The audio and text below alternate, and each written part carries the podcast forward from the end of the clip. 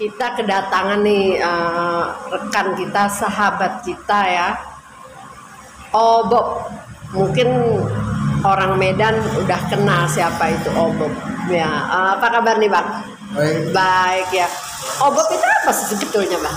Sebenarnya nama asli kita nama yang dibaptis di gereja Oh, Alexander Kristen Ginting hmm, Hanya saja kebetulan kuliah kita ke Unimed hmm, masuk ke mahasiswa pecinta alam. Nah kalau di itu dikasih nama lapangan Obot. hmm.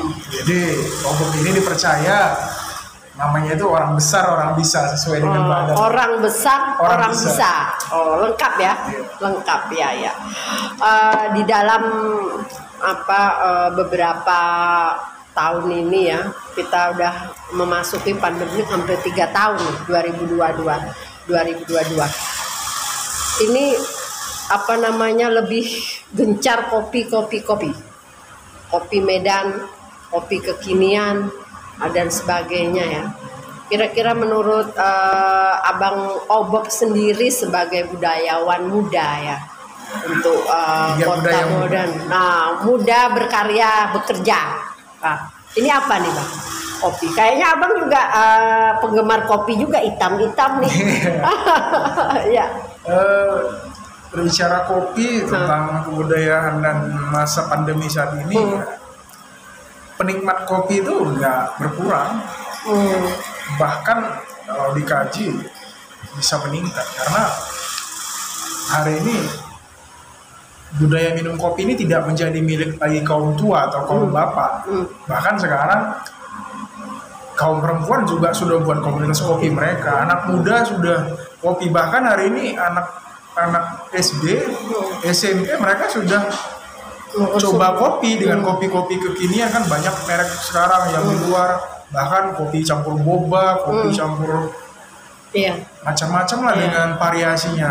Nah hari ini itu yang membuat kopi itu menjadi punya nilai tersendiri saat ini apalagi di masa pandemi yang kita di rumah aja katanya kan nggak bergerak ya kita menikmati kopi ini hari ini gampang bisa di rumah bahkan dengan jejaringnya zaman serba digital ini kita bisa pesan kopi melalui gadget kita gitu Hmm. itu sih dari saya Iya.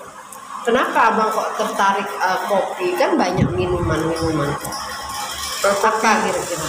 kopi ini memiliki penikmat sendiri. Memiliki cita rasa sendiri. Karena khusus kita Sumatera Utara atau Sumatera banyak kopi nih. Di Aceh kopi Sidikalang Rintong Iya. kopi Karo dan macam-macam gayo.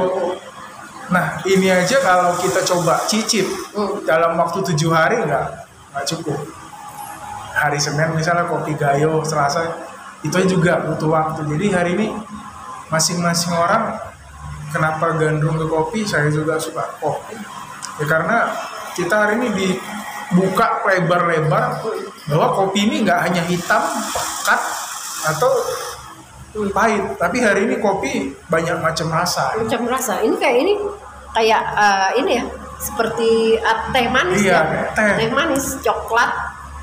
Nah bukan bukan si hitam benar, manis. benar. itu sih jadi ini mulai dari kelas kalau dikaji ke kelas sosial mulai dari kelas yang paling bawah sampai kelas yang paling atas hari ini minumnya kopi Ya. Kira-kira eh, em, menurut cara pandang abang, apakah eh, ada berpengaruh dengan kesehatan? Kira-kira setahu abang ya. Nah, sejarahnya juga kopi ini kalau di sejarahnya kan kopi ini bahasa pakai kita bahasa Arab sih kahwar kekuatan. Hmm. Jadi dulu kopi ini digunakan juga sebagai tenaga untuk kuat beribadah di Hmm. itu di biksu-biksu Ethiopia. Jadi sekarang ini juga mindset kita kopi ini sebagai pembantu untuk biar tahan begadang atau apa Hmm. ya. Dan ternyata kafeinnya sendiri juga baik dalam kontrol tertentu Iya. dalam kandungan dosis. Artinya ya semua yang kebanyakan kayaknya nggak bagus sih bu. Iya, betul. Gitu ya. Nah, Uh, saya dengar-dengar juga abang selain uh, apa berkecimpung di kopi ini juga abang merupakan pemerhati ya pemerhati saya dengar juga punya rumah baca ya kan pernah ikut uh, di lapangan masalah uh, bencana gitu kira-kira ada kepuasan uh, pribadi rohani atau gimana gitu? Gimana ya? Kalau tanpa digaji loh. Ya berpikirnya sederhana aja sih. Uh, selagi kita masih berguna buat orang lain ya kenapa? Gitu ya. Selagi kita masih bisa berbagi uh, kenapa? Berbagi itu kan nggak selamanya materi. Iya. Mungkin berbagi pikiran. Kalau kita hari ini punya tenaga ya berbagi tenaga karena di luar sana sebenarnya masih banyak yang membutuhkan kita betul ini sih yang sebenarnya hari ini orang-orang muda harus paham bahwa hidupmu itu enggak sia-sia. Bahkan hari ini sampah yang kita hasilkan pun menghasilkan. Hmm, Bisa menghasilkan buruk, bisa menghasilkan rezeki. Iya. Kalau kita buang sembarangan ya bisa banjir. Tapi kalau kita kumpuli hari ini sampah laku kok. hmm. Bayangkan sampah aja yang udah kita buang dari hidup kita pun masih berharga. Iya. Apalagi diri kita. ada bank sampahnya lagi Iya, ya. ada bank sampah. ada bank sampahnya Hmm. Jadi itu sih membuat nah keterkaitan menulis, berliterasi, Hmm. berbagi cerita itu sederhananya ya aku menulis untuk berbagi rasa Hmm. karena tidak semua kan kita bisa ngobrol sama semua orang ya kita menulis. Mungkin dari tulisan kita orang bisa oh ini loh rasanya. Eh, tapi dari beberapa pandangan pengamat ya bang, untuk saat ini sampai saat ini eh, apa ya rasa sosial dan empati daripada eh, sosok eh, sebagai eh, muda ya itu agak berkurang ya. 80% itu berkurang. Itu apakah karena faktor apa teknologi atau kurangnya keseimbangan komunitas atau gimana itu? kalau saya pribadi memandangnya saya nggak sih nyalahin teknologi sih Hmm, bahkan hari ini juga bagi saya teknologi sangat membantu kita dalam perluasan hal-hal yang positif. Contohnya kegiatan filantropi dan berbagi semuanya kita banyak minta bahkan dari medsos hari ini. hmm, Nah, bagaimana juga hari ini kaum muda kurang akan kepedulian sosial atau tidak berdampak atau tidak mudah berdampak? Saya rasa kembali ke individunya. Karena memang di zaman sekarang ini kita dikasih pilihan itu luar biasa banyak. Mau yang bagaimana? Nah, ketika kita tidak bisa memilihnya dengan benar atau tidak bisa memilih tutor sebaya atau mentor yang benar ya akhirnya kita menjadi manusia yang individu, individu. kita cuek dengan keadaan lingkungan pas karena memang hari ini serba gampang kita di kamar tidur aja bisa melakukan interaksi dengan apa saja belanja atau iya. nah ini yang bisa juga berdampak buruk bukan kita salahkan teknologi teknologi kan kita intinya kita ngikuti zaman tapi juga jangan hilangkan nilai-nilai budaya. Konkretnya ikuti zaman mula jangan tinggalkan budaya. Karena di budaya itu banyak yang kita dapat. Iya. itu sih. Aslinya dari mana nih abang? nah kalau kita aslinya nenek moyang itu dari tiga Johar Deli Serdang. Hmm, cuma dari zaman bolang dulu kakek kita hijrah ke Pangkalan Berandan tepatnya desa Teluk Meku. Kita besar di situ hidup di antara orang-orang Melayu Jawa Banjar kita hidup Karol berdiri di situ hidup berdampingan ya sekarang hijrah ke Medan karena sudah dapat istri di Medan iya. Aslinya orang Karo ya? aslinya orang Karo marga gitu Marga Ginting.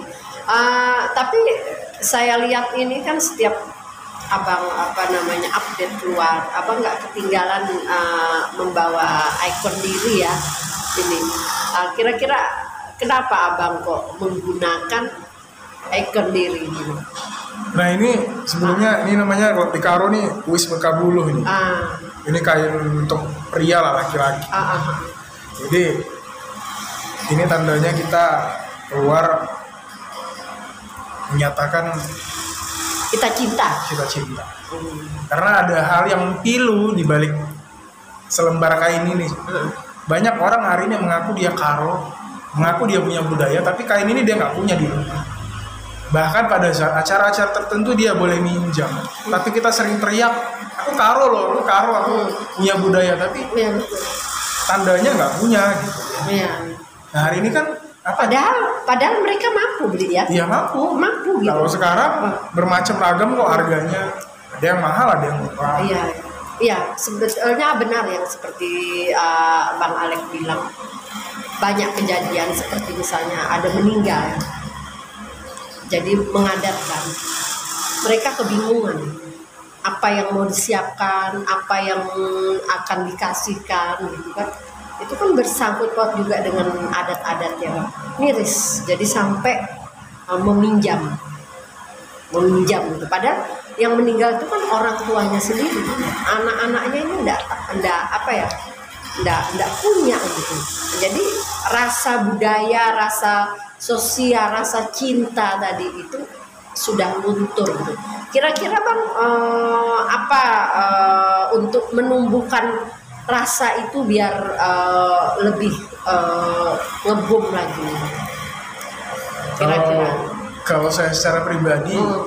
berbicara tentang kebudayaan itu sebenarnya pendidikan sejati Hmm. makanya saya pernah nulis masuk ke media cetak juga jangan asingkan anak dari budaya itu karena ketika anak kita asingkan dari budayanya maka dia akan benar-benar jauh begitu juga saya dengan pribadi kalau dikaji hidup saya nggak akan tahu hari ini tentang karo. Nggak akan tahu bahasa karo. Hmm. nggak akan tahu mungkin bilang menjua-jua kenapa? Kalau itu nggak dibiasakan. Tapi dari nenek kakek dari bolang walaupun kami tinggal di daerah Melayu pesisir mereka tiap hari tuh bahasa karo di rumah. Ini saya oh ini oh ini. Baru masuk zaman era PCD Iya. orang tua sering beli kaset-kaset karo mutar-mutar lagu karo akhirnya kita sendiri belajar oh ini rupanya karo itu. Jadi pendidikan kebudayaan tuh ya sejak dini gitu. Nggak bisa. Udah dewasa baru berbicara budaya nggak gitu ya budaya itu harus sejak dini. Jadi intinya jangan asingkan anak lah dari budayanya. Jadi seperti bahasa gua Indonesia tapi gua tidak berbuat untuk negara, Iya. tidak berbuat untuk Indonesia. Bahasanya kan gitu. Iya. Jadi meninggalkan budaya-budaya lama Iya. untuk memasuki budaya-budaya era baru dan era eh, teknologi yang canggih ya. gitu.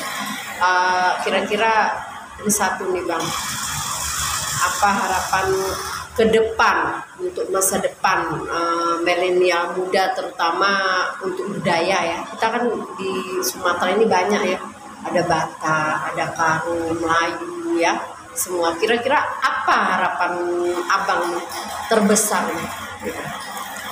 Oh, kalau ditanya harapan terbesar, saya rasa nggak besar-besar kali sih, tapi itu menjadi apa? Eh, silahkan kamu berbudaya, sebab budaya itu bukan sekedar tontonan, budaya itu tuntunan. Bebas mau itu dia orang Jawa mengangkat budaya Jawa, orang Batak mengangkat budaya Batak, orang Karo mengangkat budayanya. Silahkan angkat, ayo kembali gali lagi apa yang telah, kalau saya bilang jemputlah yang tercecer, kutiplah yang berserak. Gitu. tapi jangan jangan kita menjadi orang yang apa ya menjadikan seluruhnya itu salah. Contoh saya orang Karo nih. Oh nggak bener tuh budaya Jawa nggak bener tuh budaya Batak nggak bener seolah-olah suku saya merasa paling benar itu nggak boleh karena perbedaan itu yang membuat harmoni kebudayaan itu semakin baik perbedaan itu yang mengajarkan kita bahwa budaya itu benar-benar miming. Makanya ada istilah di mana bumi dipijak, di situ langit dijunjung. Karena budaya itu luar biasa, Bu. Dampaknya saya juga hari ini merasakan luar biasa. Saya pergi ke Aceh, saya gunakan wis karo ini, saya disamperin sama orang karo juga. Artinya kan jika kita mengakui identitas kita, orang juga akan mengenal kita. Karena budaya itu punya dua, unsur dan ciri. Minimal hari ini kita harus punya ciri kebudayaan. Bagaimana wanita-wanita Sumatera punya ciri, bagaimana pria-pria Sumatera juga punya ciri kebudayaan. Begitulah kebudayaan. Jadi budaya itu terus tumbuh ketika kita memang menghargai budaya itu sekecil apa pun bentuknya. Uh, ini adalah kopi warnanya hitam. Ibarat budaya tetap sampai uh, zaman ke zaman tetapi kita jangan merubah rasa daripada kopi ini dan kita jangan merubah budaya yang ada. Kita kembangkan kita gali kita up kembali dan satu tetaplah kita menjadi karakteristik daripada budaya itu sendiri.